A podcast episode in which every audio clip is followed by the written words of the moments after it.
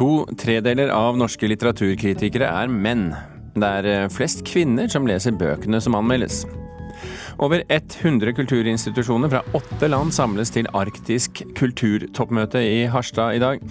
Og filmen Transformers The Last Night innfrir forventningene, så sant de ikke er særlig høye. Dette er noen av sakene i Kulturnytt i dag, eh, der du også skal få høre om likestillingsminister Solveig Hornes tiltak for å bekjempe hatefulle ytringer, spesielt på nett og sosiale medier. Mannlige forfattere blir som regel lest av mannlige kritikere, og kvinnelige kritikere er i mindretall. Det kommer frem etter en gjennomgang av over 500 bokanmeldelser i år. Forfatter Ellisiv Lindqvist er en av dem som har irritert seg over en skeiv kjønnsbalanse i kulturlivet. Hei, kulturmann. Jeg snakker til deg. Jeg skriver til deg. Jeg vil bli sett av deg. Sett og likt. Forfatter Eli Siv Lindqvist leser fra pamfletten Oh, kulturmannen. Jeg vil at du skal tro meg når jeg sier at jeg har lest mer enn ei bok. Jeg har også skrevet mer enn ei bok. Teksten tar for seg samspillet mellom kvinnelige skribenter og kulturmenn med makt. Lindqvist skrev denne teksten pga. en irritasjon over et skeivt mønster i kulturlivet. Ja, det var vel en slags eh, indignasjon og irritasjon og, og sinne over dette hierarkiet som fortsatt eksisterer også i kulturlivet. Og så har det jo vært en del snakk om kulturmann, og det fins jo ganske mange av dem. Litteraturkritikken er et av områdene der mennene dominerer. En gjennomgang av over 500 bokmeldinger fra 2017 viser at to tredeler av kritikerne er menn og mannlige forfattere blir i stor grad lesende av mannlige kritikere. Bokredaktør i Klassekampen, Karin Haugen, synes det er et problem. Ja, eh, til tider så syns jeg det kan bli nesten parodisk. Altså Hvis det kommer en stor biografi eller en eh, sånn tung, litt hard sakprosabok, så kan du etterpå se at det utelukkende var menn som skrev om den. Men leserundersøkelser viser at kvinner leser flere bøker enn menn. Førsteamanuensis i nordisk litteratur, Sissel Furuseth, mener det er lite samsvar mellom lesere og kritikere. Det overraska meg litt, med tanke på, på hvordan man eh, Altså, det man kjenner fra leserundersøkelser, da, eh, så, så representerer ikke kritikerkorpset leserne flest. Leder for litteraturseksjonen i Kritikerlaget, Bernhard Ellefsen, utfordrer kulturredaksjonene til å tenke mer kreativt. De må, jo, de må rett og slett være mer oppfinnsomme, kulturredaksjonene. De må både være mer oppfinnsomme i hvor de henter kritikere fra, kritikerfeltet, eller kritiker liksom De som arbeider som kritikere i Norge, er ganske ensarta på flere måter enn bare kjønn, da. Og Karin Haugen i Klassekampen tek utfordringa. Ja, det tror jeg at um, det tror jeg man kunne vært mer dristige og kreative. Um, absolutt. Gjøre litt mer overraskende valg. Men om kvinner vil komme mer til orde, så må de kanskje bare skjerpe seg? Elisiv Lindqvist mener både ja og nei. Men det er klart at alle har jo et ansvar sjøl. Men det er jo noe med å føle at du av og til kan stange i veggen eller i glasstaket, fordi det du gjør ikke blir sett eller anerkjent eller sett på den måten du ønsker det skal bli sett på. da. Og Lindqvists kulturkvinne lever iallfall videre i håpet om å bli sett av kulturmannen. Det er det verste. Å ikke bli sett av deg. Jeg vil heller rises enn ignoreres. Jeg vil heller piskes enn usynliggjøres. Reporter her, det var Sigrid Sørumgård Botheim. Kulturkommentator her i NRK, Agnes Moxnes. Flest kritikere er altså menn, og menn leser som vi kjent mest mannlige forfattere. Like fullt er det kvinner som leser flest bøker, så hva er problemet egentlig? Jeg slutter aldri å forundre meg over det der, for ideelt sett så skulle man jo tro at det er sånn at en god roman er en god roman, og en god litteraturkritiker er en god litteraturkritiker. Men det er eh, mye mer komplisert enn som så, for det er jo et sett av valg som gjøres fra et manuskript forlater et, eh, et forfatterhjem eh, via forlaget og til det ender i, på avisene og så frem til en eh, bokanmeldelse. bokanmeldelse. Men det er en sånn undersøkelse som den som Sigrid Sørumgård Botheim har gjort her. Hun har altså tatt for seg over 700 anmeldelser, både sakprosa og skjønnlitteratur. Den viser jo til gangs da at det er flest mannlige kritikere, at menn helst leser andre menn, og at mannlige forfatterskap får mest oppmerksomhet. Så det er jo ikke så veldig rart at det er en god del kvinnelige forfattere som fabulerer om at de av og til burde gitt ut en bok under et mannlig pseudonym. name Men, men, når kvinner altså like fullt leser flest bøker, hva er det da et tegn på? At, eh, at de ikke bryr seg, eh, og at uh, litteraturkritikken kanskje ikke er så viktig? Ja, altså Det kan jo være en, en konklusjon, men det er en veldig trist konklusjon. Fordi at vi vet jo at det foregår veldig mye litteraturdebatt i dette landet som absolutt ikke speiler seg i mediene. Det er lesegrupper, det er blogger, det skrives masse om, om bøker på sosiale medier. Der diskuteres de, bøker løftes opp og, og og, rakkes ned på. Og så er det et stort oppmøte, særlig da av kvinner, hver gang en forfatter kommer et sted og skal ha et eh, bokbad, f.eks. Men, men det pekes jo på redaksjonen her i denne saken. Er ikke redaksjonene i norske aviser flinke nok til å tilstrebe en kjønnsbalanse? Jeg tror ikke at vi trenger likestillingsministeren inn her med kvotering, men det, det trengs jo en et helt tydelig en mye større grad av bevissthet. Eh, og enhver eh, redaksjon må jo stille seg spørsmål av typen hvorfor er det stort sett menn som anmelder Jo Nesbø, Karl Ove Knausgård og Bård Vegar Solhjell, mens kvinnene da anmelder ekskona til eh, Karl Ove Knausgård, Linda Knausgård. De anmelder Lucinda Riley og Wenche Myhlaisen. Så litteraturkritikken, den er jo da som vi har fortalt om flere ganger her i Kulturnytt, i ferd med å forsvinne fra dagspressen. Eh, og det er ikke de, Mange nok som leser sakene, er jo da eh, redaktørenes argument. Hva blir konsekvensen av det, Agnes? Ja, altså Det er jo utrolig interessant, rett og slett. Eh, vi vet jo at medier flest nå altså at det er mange medier som sitter og diskuterer skal vi i det hele tatt ha anmeldelser. Fordi at man kan følge hvor mye det klikkes og hvor mye det leses fra dag til dag. Eh, Fritt Ord er inne og gir penger for å holde kritikken oppe. Eh, og da må det jo være et tankekors at mens kvinner leser bøttevis med, med, eh, bøker, så er det altså menn som formidler sin lesing til dem. Mer å diskutere utover sommeren her, altså. Agnes Moxnes, takk for at du kommenterte.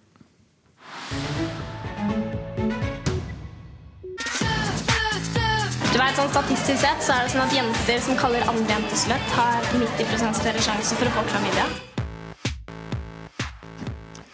Reporter Petter Sommer, her hørte vi lyden av Skam, og på fredag er det siste episode noensinne. Og da er det jo duket for en slags hva skal vi si, mimrekavalkade, som seg hør bør, for denne serien, som vi i NRK er så utrolig stolte av. Ja, det er jo det. Og Aftenposten de har starta i dag, og de går veldig sånn eh, kvantitativt til verks denne gangen. De har sjekka hvor mange treff man får når man søker på Skam på Google. Og svaret er 43 millioner. Jeg vet ikke helt om, eh, om det er mye eller lite når det gjelder Skam. Det er jo en voldsom suksess. Men eh, eh, fremdeles så er det i hvert fall Nora da, som er den karakteren som er mest populær, som blir søkt på mest sammen med ordet Skam. Mens årets hovedkarakter, Sana, må nøye seg med en fjerdeplass. Mm. Og vil du vite hvor interessen for Skam er størst i verden, Birger? Ja. I Norge. Kanskje ikke så rart, men eh, etterfulgt av Danmark og Sverige. Og det rare her er jo det at på femteplass så finner vi en bitte liten øy utenfor eh, østkysten av Afrika, utenfor Madagaskar, som heter Reunion. Som er 800 000 innbyggere. Tenk på det. Femteplass på Skam-lista. Ja, Hva driver de med der? Se på Skam, selvfølgelig. Vel, vel. Um, la oss hoppe, Petter. I disse dager så spiller TV 2 inn en ny sesong av Hver gang vi møtes. Et av deres mest populære programmer noensinne. VG har vært på settet på gården i Østfold. Hva kan avisen melde? De de, kan, de, har en stor presentasjon av artistene og et intervju med den kanskje mest kjente av dem. Vi skal høre lyden av henne akkurat nå.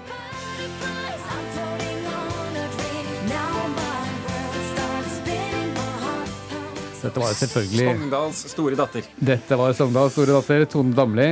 Og hun sier at det er med skrekkblandet fryd at hun skal delta i Hver gang vi møtes. Og nei, hun kommer ikke ikke til å snakke om eh, bruddet med Aksel Hennie i programmet. Hun har fått seg en ny barn, må vite Nei, ny, ny mann. Ny mann. Og barn. og barn, må vite. Så hun har bestemt seg for å ikke gjøre det. Da, så da gjenstår det bare å se om hun klarer å holde på det løftet. Ja, det er jo interessant, fordi at det er jo mange opp gjennom sesongene som har delt veldig personlige ting rundt ja. dette middagsbordet når de sitter og snakker sammen? Ja, på gården der, ikke sant? når man får seg et par glass osv. Men uh, Tone hun er jo veldig medievant. Du. Hun sier jo selv her i avisa at uh, hun har vokst opp med pressen, så det blir nok ikke så lett å lure henne ut på. Hvem andre skal være med? Det er uh, Silja Nymoen, uh, som vi husker fra Stjernekamp, vant jo Stjernekamp for noen år siden her i NRK. Kristel Alsos, Tor Endresen, Claudia Scott, Tjave og vokalisten i Trang fødsel, Hans Petter Aasrud. Takk skal du ha, Petter Sommer, for at du orienterte. Det trengs tiltak for å bekjempe hatefulle ytringer, spesielt på nett og i sosiale medier. Det sier likestillingsminister Solveig Horne fra Fremskrittspartiet. I dag arrangerer hun en nordisk konferanse om temaet, og får på bordet en rapport om problemet med flere forslag til tiltak. Men tidligere lokalpolitiker Marcela Molina mener tiltakene er for få og kommer for sent. Hun opplevde selv å bli både hetset og sjikanert ut av samfunnsdebatten. Ja, sant. her har du litt sånn eh Wow, her var det tomt. Det er sånn hersketeknikk. Sånn. Det er jo noe man opplever uansett, om man er sånn eller sånn. Hva står det da? Hun er så frastøtende. Marcella Molina gjengir noen av meldingene hun har fått på Twitter. Gjennom mange år som folkevalgt i Stavanger opplevde hun stadig hets og sjikane på sosiale medier. Mannehater, fedrelandshater, chilensk kommunistisk rotte som skulle ha vært murt inn en vegg, for å ta noen eksempler. Men jeg har òg mottatt en eh, e-posttrussel om å ikke gå alene, ikke være alene hjemme hos meg sjøl, menge meg med folk og passe meg. Hun har vært hos politiet flere ganger for å anmelde trusler og sjikane, men sakene ble henlagt. En gang reiste hun en privat straffesak, og hetseren måtte betale både bot og det det kostet å behandle saken for retten. Jeg har vært hos politiet med fire forskjellige saker, og fått alle fire sakene henlagt. I dag skal Molina på en nordisk konferanse om hatefulle ytringer, arrangert av Nordisk ministerråd og Barne- og likestillingsdepartementet. Der skal politikere, forskere, eksperter og andre diskutere hvordan hatefulle ytringer skal bekjempes får nå levert en nordisk rapport med flere forslag til hvordan dette arbeidet kan intensiveres innenfor rettsvesenet og samarbeid og eh, forskning. Sier barne- og likestillingsminister Solveig Horne. I rapporten kommer det fram at dagens lovverk ikke slår ned på hets som retter seg mot kjønn. Det bør inn på lik linje med hets mot nasjonalitet, rase, religion og seksuell legning. Rapporten foreslår å oppdatere lovverket, ansvarliggjøre de som har redaktøransvar på nett og sosiale medier, sørge for at politiet får mer kunnskap og styrke det internasjonale samarbeidet. Solveig Horne mener man allerede er godt i gang. Regjeringen lanserte en strategi i fjor, men det er viktig å få, fram, få tilgang på informasjon. Derfor lanserer vi òg en, en, eh, en, brosjyre nå som er rettet mot de unge. Eh, politiet skal jobbe mer aktivt eh, for oss, og det er flere som anmelder hatefulle ytringer og hatkriminalitet. og Det er viktig at de har god kunnskap om dette. Og Så vil det òg bli lansert en nettside etter sommeren. Marcella Molina er ikke imponert. Når det kommer til stykket, så er det veldig stor avstand mellom praksis og teori. Reporter eh, her, det var Ali Akhtar og Tone Staude. Klokken har eh, passert eh, snart 17 minutter over åtte. Du hører på Kulturnytt, og dette er toppsaken i Nyhetsmorgen nå. Stadig flere blir tatt eh, for å svindle med reiseforsikringen, viser tall fra bransjeorganisasjonen Finans Norge. I alt åtte biler sto i brann i Oslo i natt, for andre natt på rad. Politiet undersøker nå om alle elleve brannene har sammenheng og kan være påsatt. Senterpartiet vil la jegere skyte ulv så snart den nærmer seg områder der sauer beiter. Og hva får du hvis du kobler en kunstner, en ku, to mikrofoner og gir dem tre måneder sammen? Jo, da får du kunstprosjektet Går en tur med kua. Du skal få høre mer om det om et par minutter, men først dette.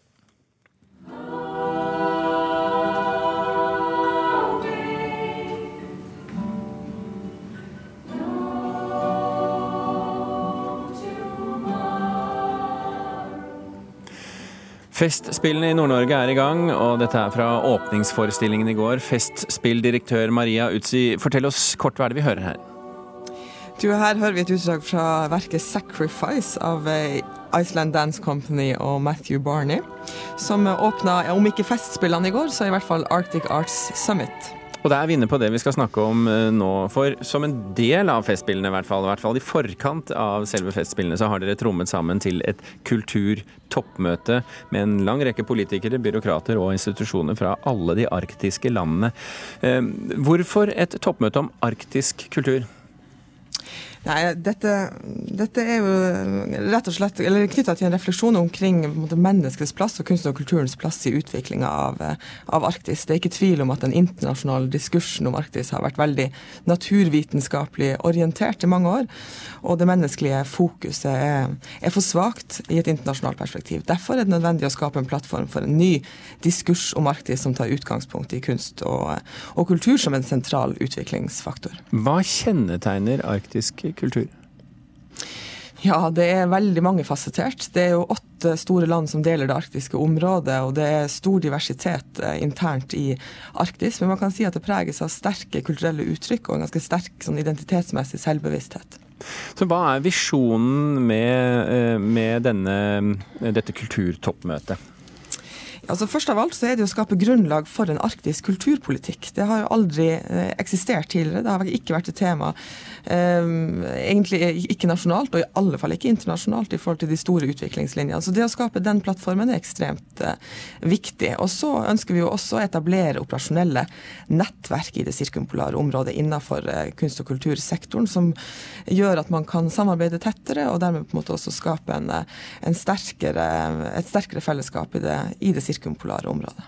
Men er det Festspillene og Norge som skal eh, hva skal vi si, eie denne biennalen? Ja, nå er det Festspillene som har starta dette prosjektet, og som eh, hoster det, eller vertskap for det, sammen med det norske kulturdepartementet. Men tanken er jo at dette skal være nettopp biennal, som du sier, og flyttes fra land til land i det arktiske området. Så neste Arctic Art Summit i 2019 vil være i et annet uh, arktisk land. Men du vet ikke hvilket? Du bare håper ja, at de tar opp tråden? Ja, det, det, vil offentliggjøres på slutten av dagen i dag, hvor neste summit skal være. Mm. Hva ønsker du at skal komme ut av dette toppmøtet? Altså først og fremst så ønsker jeg jo at uh, kulturpolitikk skal komme på dagsorden eh, i det på en måte internasjonale ordskiftet om Arktis. Bare det ville være et, et, på en måte en endring og utvidelse av premisset for hele eh, utviklingssamtalene, på et vis. og så ønsker jeg meg altså jeg ønsker et økt nasjonalt fokus på kunst og kultur som utviklingsfaktor i samfunnet som sådan, og, og, også i et internasjonalt perspektiv. Og så ønsker jeg meg rett og slett en sterkere kunst- og kulturbransje i hele det sirkumpolare området, og mer internasjonalt samarbeid, som vil på en måte gjøre bransjen og hva skal si, de menneskelige perspektivene i den politiske diskursen tydeligere. Vi, får se resultatene etter hvert. Eh, Maria Utsi, Festspilldirektør eh, for Festspillene i Nord-Norge, takk for at du var med oss i Kulturnytt.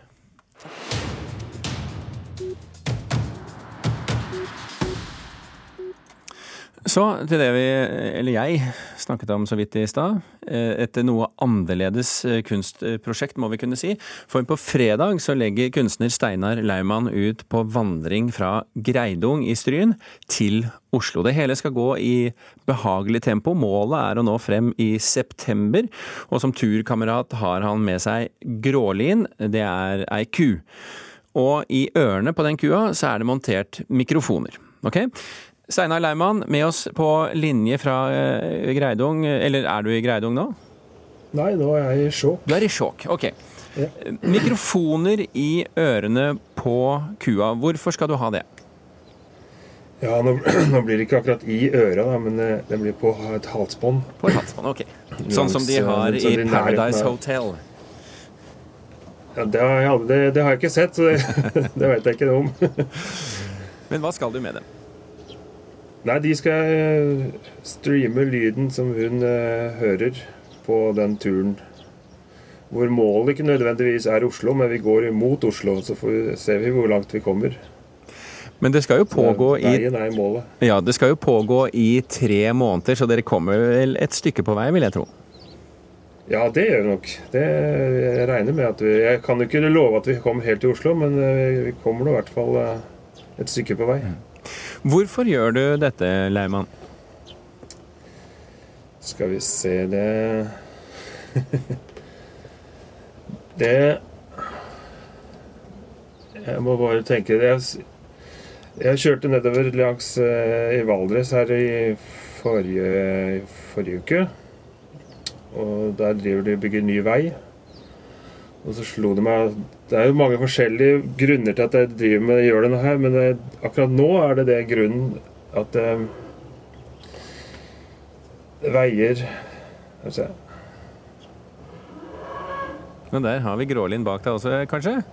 Ja, det var nok det. Ja, okay. Du prøver å forklare meg hva jeg driver med. Ja. Men, men, eh, men jeg, meg, jeg vet ikke om dette gjør det enklere eller vanskeligere, Leiman, Leimann, men du er jo en, kjent som performancekunstner. Hvordan gjør du en tur med en ku til et kunst Hvordan gjør du det til kunst? Ja, det da må vi, Det tror jeg jeg trenger lenger enn en fire minutters samtale. Hva er kunst? Ja, ok. Nei, da, da, vet du hva, da gjør vi, da gjør vi ikke eh, det, Laumann.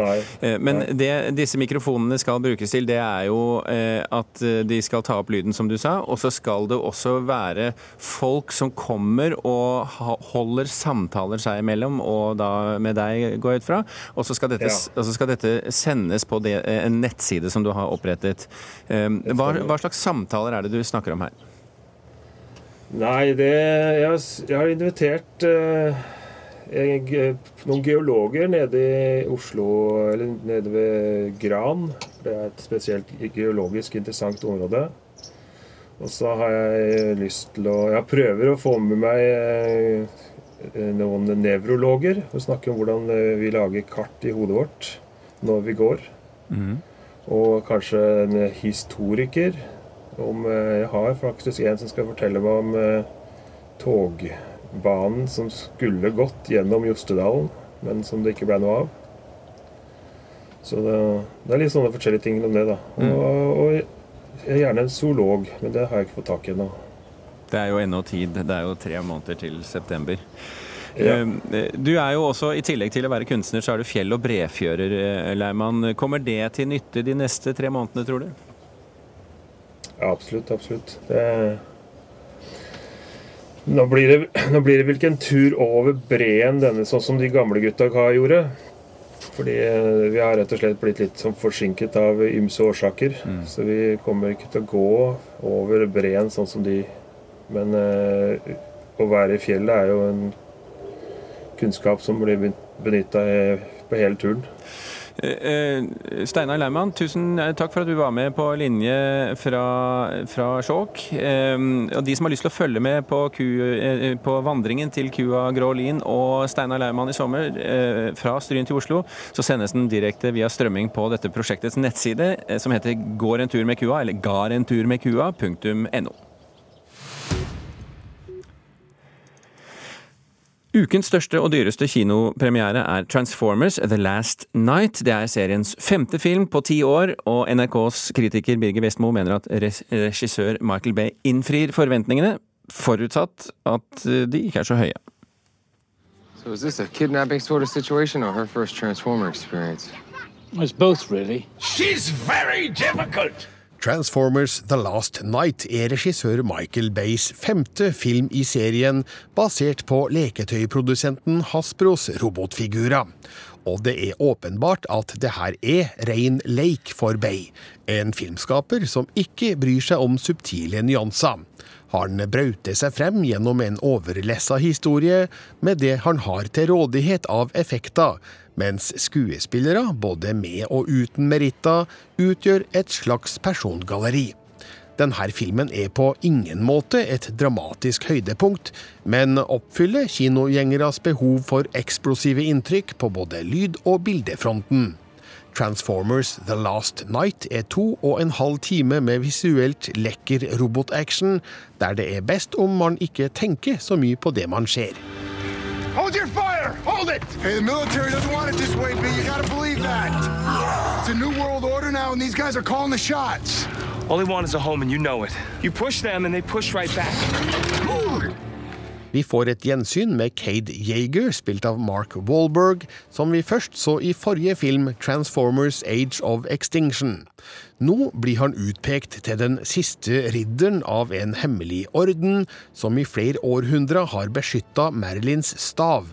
Nå må han forsøke å finne staven sammen med sir Edmund Burton, spilt av Anthony Hopkins, og Marilyns siste etterkommer, Oxford-professoren Vivian, spilt av Laura Haddock.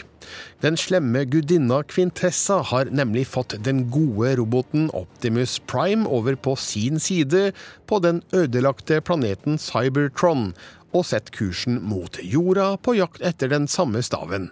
I don't know what you're smoking in that pipe, man, but what's going on here? Will you drag me to some Transformer retirement home? Look, somebody better start talking or I'm out of here. Whoa, whoa, whoa. Okay. Um, Historien er altså det rene våset, noe Michael Bay sjølsagt er fullt klar over. Transformers-filmene skal på ingen måte tas seriøst, og har en lettbeint holdning til fortellerteknikk som gjør at ting sklir ut i alle retninger. Forsøk på humor treff og bomme vekselsvis, og det er åpenbart at Michael Bay ikke er et stort komitalent. Det han imidlertid er god på, er å ta i bruk en sømløs miks av digitale og praktiske effekter i store kvanta. What's the matter with you?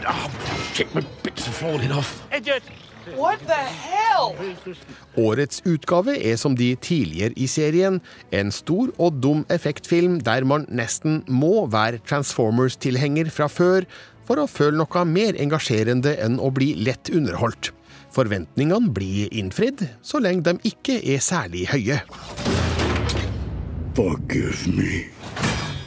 Det sa Birger Vestmo. Og med det så runder Kulturnytt av for denne gang. Det blir snart nyheter fra Dagsnytt eh, her på denne kanalen. Thomas Alvarstein Ove og Birger Kåsrud Aasund takker for at du hørte på Kulturnytt.